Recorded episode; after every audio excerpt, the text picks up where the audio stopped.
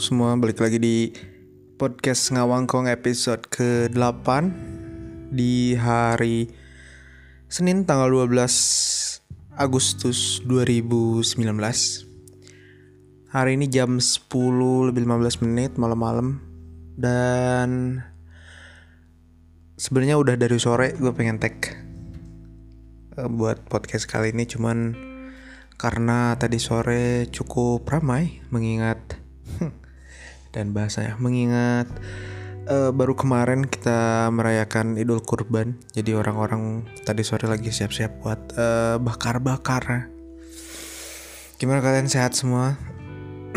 Hari kemarin ngelihat uh, potong-potong kambing ya sapi. Malam-malamnya langsung nyate Hati-hati kolesterol, jangan terlalu bernafsu untuk uh, membakar daging-daging menjadi makanan, tapi juga membakar lemak-lemak yang ada di dalam tubuh. Dan jangan lupa membakar hawa-hawa nafsu yang ada di dalam tubuh kita, biar kita kembali menjadi orang yang suci. Edan baru kali ini podcast gue ada esensinya. Esensi. Ada pesan moralnya gila gila gila. Oke kali ini gue bakal ngobrolin tentang apa ya? Sebenarnya enakan kita ngobrolin temanya tentang uh, Idul Adha sih. Cuman ada sesuatu yang pengen gue ceritain ke kalian semua yang memang lagi tersesat di podcast gue tentang apa ya? Menyendiri mungkin ya. Gila jangan menyendiri. Kesendirian. Anjay kesendirian. Udah kayak judul lagu. Ntar duh posisi duduk gue nggak enak. Oke. Okay. kita ngomongin tentang apa ya?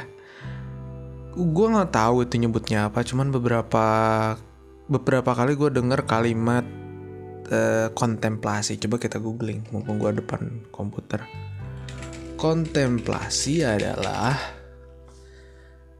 Kontemplasi adalah dasar dalam diri manusia untuk menciptakan sesuatu yang indah. Asik.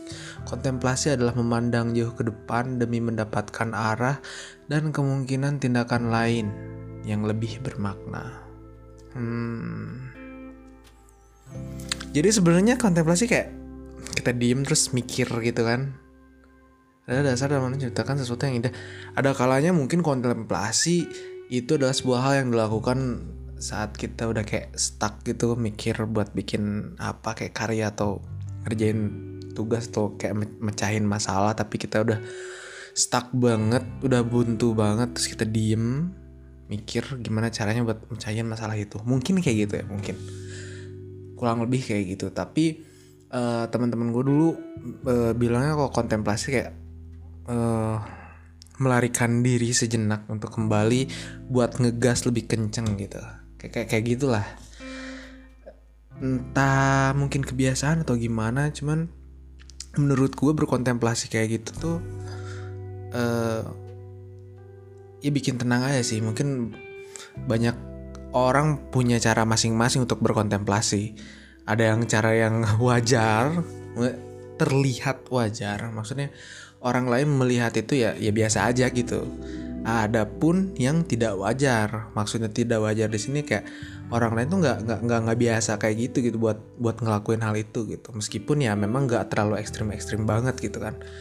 Ada orang yang mungkin berkontemplasi lebih ke diem di perpustakaan atau paling banyak sih kayak mereka yang pergi ke atas bukit sepi gitu di situ kan. Kebanyakan sih ya mungkin kayak gitu ya. Ada lagi yang aneh misalkan ada yang berkontemplasi uh, cuman duduk doang di damri bolak-balik aja gitu. Maksudnya dari titik A ke titik B balik lagi ke titik A kayak diem doang gitu diem duduk doang gitu di situ kan. Agak aneh cuman ya menurut dia itu sebuah hal yang bisa bikin dia relax ya ya ya ya bebas-bebas aja sih. Dan menurut gua dan mungkin menurut beberapa teman gue yang uh, kenal sama gue cara yang gue lakuin ini cukup aneh juga. Maksudnya tidak terlalu ekstrim aneh cuman mungkin bukan aneh ya kalimatnya lebih tepat ngapain? Nah kayak kayak ngapain sih lu? Gitu. Gue lebih seneng menyendiri itu di Alfamart atau Indomart. Mungkin kenapa ya nggak tahu gue juga kayak sebenarnya gue pengen menyendiri tapi tidak sampai anjay tidak sampai tapi nggak sampai sepi banget gitu. Kayak oh takut takut kemasukan setan. Jadi kayak kalau misalkan ada ya gue sekalian jelasin aja di sini mis kalau misalkan ada teman-teman gue yang dengerin juga podcast gue dan sempat ngeliat gue di Alfamart dan mereka punya pertanyaan ngapain sih? gitu. Nanan maneh didinya gitu misalkan. Ya gue cuman pengen jelasin bahwa ya istilah santainya sih nggak usah terlalu berat lah kontemplasi. Istilah santainya kayak lagi niis gitu kan. Depan Alfamart, Indomart yang emang ada kursinya. Kayak duduk di situ ngeliat orang-orang. Gue lebih suka memperhatikan orang lain dalam dalam kesendirian gitu. Maksudnya gue sendiri menikmati waktu yang gue lakukan untuk memperhatikan orang lain gitu. Gue diem ngeliatin orang lalu lalang ada yang masuk ke Alfamart atau Indomartnya ada yang sendiri ada yang berdua mereka ngomongin satu hal yang mungkin gak penting juga gitu. Gue harus dengerin gue ngeliatin hiruk pikuk orang-orang di sekitar gue kan nggak sepi juga kan sebenarnya. Cuman gue memposisikan diri gue di situ cuman sendirian gitu. Diem doang kayak beli eh, coffee Nescafe instan yang tinggal colok gitu kan. Diem. Dan nggak terlalu lama juga buat gue membutuhkan waktu cuman sekitar 15 sampai 30 menit. Diem di situ doang udah cukup. Kayak merefresh otak dari kerudetan kerjaan gitu atau permasalahan yang lagi gue alamin saat itu gitu kadang beberapa kali gue kegep sama teman-teman gue teman-teman deket gue gitu sampai nawan sih mana didinya? gitu ngapain lu di situ sendirian? gitu. Lu nggak ada faedahnya tuh bla bla bla. Gue pengen cuman pengen jelasin doang gitu bahwa gue di situ juga emang bener sih nggak ngapa-ngapain. Tapi nggak selalu nggak ngapa-ngapain tuh nggak bermakna gitu. Kadang banyak orang yang pengen kayak rehat tuh sejenak mungkin bareng 10 menit atau 15 menit cuman pengen duduk doang diem nggak. Bahkan mainin HP pun nggak gitu cuman kayak gigit-gigit sedotan doang gitu ngeliatin orang. Mungkin nggak tahu ya gue aneh apa nggak? Introvert? Gue nggak menisbatkan diri gue sebagai seorang introvert. Toh dalam aspek paling sederhana ya kalau misalkan ada orang ngechat lewat WhatsApp kayak gue nggak nggak bisa nahan diri buat kayak nggak ngebuka itu ngediemin gitu aja gitu. Pasti gue buka pasti gue balas gitu. Meskipun ya ada beberapa jeda waktu yang mungkin agak lama di zaman sekarang gitu untuk me me menjawab sebuah pesan singkat. Di zaman sekarang kalau nggak langsung tuh hitungnya lama gitu. 10 menit 20 menit udah kehitungnya lama. Cuy zaman dulu main surat cuy. Sekali pesan tuh kayak 2 3 sampai berapa hari baru bisa lo baca gitu. Jadi santai aja kali. Nggak usah buru-buru amat. Ya kalau lo penting butuh kepentingan nggak usah ngechat lah. Telepon aja langsung. Kalau misalkan memang bener-bener penting ya, ya lu datengin orangnya gitu. Ya harus ada prioritas lah ada etikanya juga gitu. Dan jadi ngegas. Gitu. Jadi uh, menyendiri tuh nggak nggak selalu nggak nggak selalu buruk gitu. Kadang orang yang memang pemarah pun uh, butuh ruang buat sendiri buat dia kayak menenangkan diri tuh penting banget gitu. Tapi ada juga buat sebagian orang yang kalau dikasih menyendiri itu malah berbahaya. Ada juga gitu. Jadi sebenarnya lebih ke apa ya? Kayak membuka diri aja gitu. Maksudnya kalau ngelihat ada orang yang punya cara yang berbeda daripada orang lain gitu yang agak terlihat aneh ya mungkin itu yang cocok buat dia. Gak selalu harus orang lain sama kayak lo untuk melepaskan suatu stres dengan cara A B C harus sama itu kayak lo. Nggak nggak nggak gitu juga cuy. Gitu. Gue cuma pengen ngasih tahu aja bahwa menyendiri itu kadang enak gitu. Selain di Alfamart gue juga lebih seneng kayak naik motor pelan-pelan gitu pakai helm full face terus gue ngomong sendiri gitu. Dan in, uh, dan itu juga jadi salah satu alasan kenapa gue bikin podcast. Gue bisa ngomong sendiri mencurahkan atau meluapkan apa yang pengen gue ngomongin ya meskipun gue lagi gue lagi yang ngeplaynya gitu di Spotify tapi ya ya bodo amat lah gitu kan. Yang penting gue bisa ngomong mengeluarkan apa yang ada di otak gue gitu tapi sebenarnya kalau misalkan boleh milih ngepodcast duduk kayak depan komputer atau kayak zaman dulu gitu kan di motor gue bikin konten motovlog gue bisa ngomong sampai ngebudah tapi ada visualnya gitu. Gue ngejelasin apa yang gue lihat. Um, gue lebih nyaman di motor sih entah kenapa. Jadi lebih keluar aja gitu kalimat-kalimat yang harus gue omongin di motor lebih kayak lebih lancar gitu tapi gue lancar sih sampai duduk depan komputer juga. Gak ada masalah. Ya gimana mood sih tapi lebih ke ketika kita ketika gue stres gue lebih nyaman kayak naik motor terus ngomong-ngomong sendiri. Mau itu ngomong mau itu nyanyi mau itu apaan kayak gitu kan lebih nyaman di motor aja gitu. Dan mungkin banyak orang yang mikir kalau misalkan stres jangan jangan pakai kendaraan. Udah jangan pakai kendaraan. Ntar celaka atau ntar kebut-kebutan atau ntar gimana gue malah kebalik. Ketika gue stres gue naik motor tuh bukan buat ngebut-ngebutan sih bisa sampai harus pelan banget gue nikmatin motor kayak lu sama orang yang jalan kaki aja bisa jadi kecepatannya sama dah. Nggak nggak sepelan itu sih. Kok sepelan orang jalan kaki yang bener-bener pelan banget mah jatuh motornya. Gak usah dinyalain ya pelan lah gitu maksudnya menikmati gitu. Ya kadang hal-hal yang sederhana kayak gitu hal-hal yang mungkin menurut orang aneh tapi ya nggak aneh juga kayak apa ya disebutnya nggak aneh mungkin ya apa ya?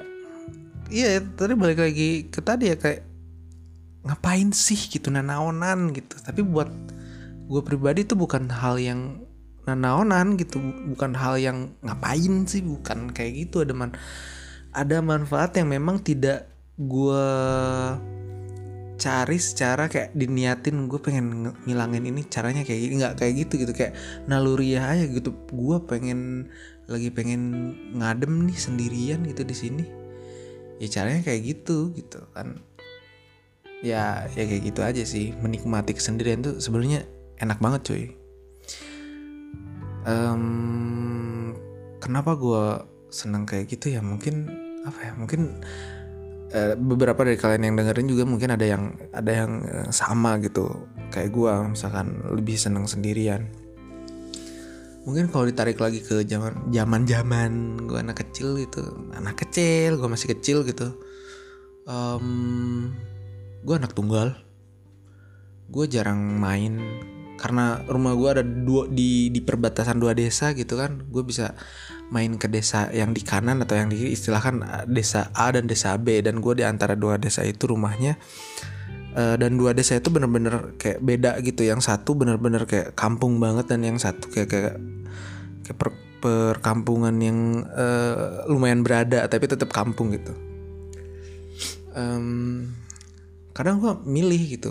Kadang gue ke yang kampung barbar kadang yang ke yang agak-agak mulai berkembang gitu. Secara ekonomi gue main Nintendo main Sega. Tapi pada akhirnya gue menemukan bahwa sejak kecil pun gue sudah memilih untuk main sendiri aja gitu main Lego di rumah. Nggak game konsol nggak main yang apa gitu kan. Sebenarnya kalau zaman dulu uh, apa konotasi bermain tuh nggak bisa satu player cuy. Lu main nggak bisa sendirian gitu. Main kelereng harus sama temen. Main petak umpet sama temen. Main bola pagi sama temen. Main bulu tangkis saja minimal. Yang koknya cuma satu raketnya bisa bisa ya raket satu sih tangan kanan atau tangan kiri. Nggak ada orang yang pakai raket dua ya. Sampai yang playernya aja cuman berdua itu nggak bisa mainin sendiri gitu tapi gue lebih memilih bermain sendiri di rumah mainin Lego.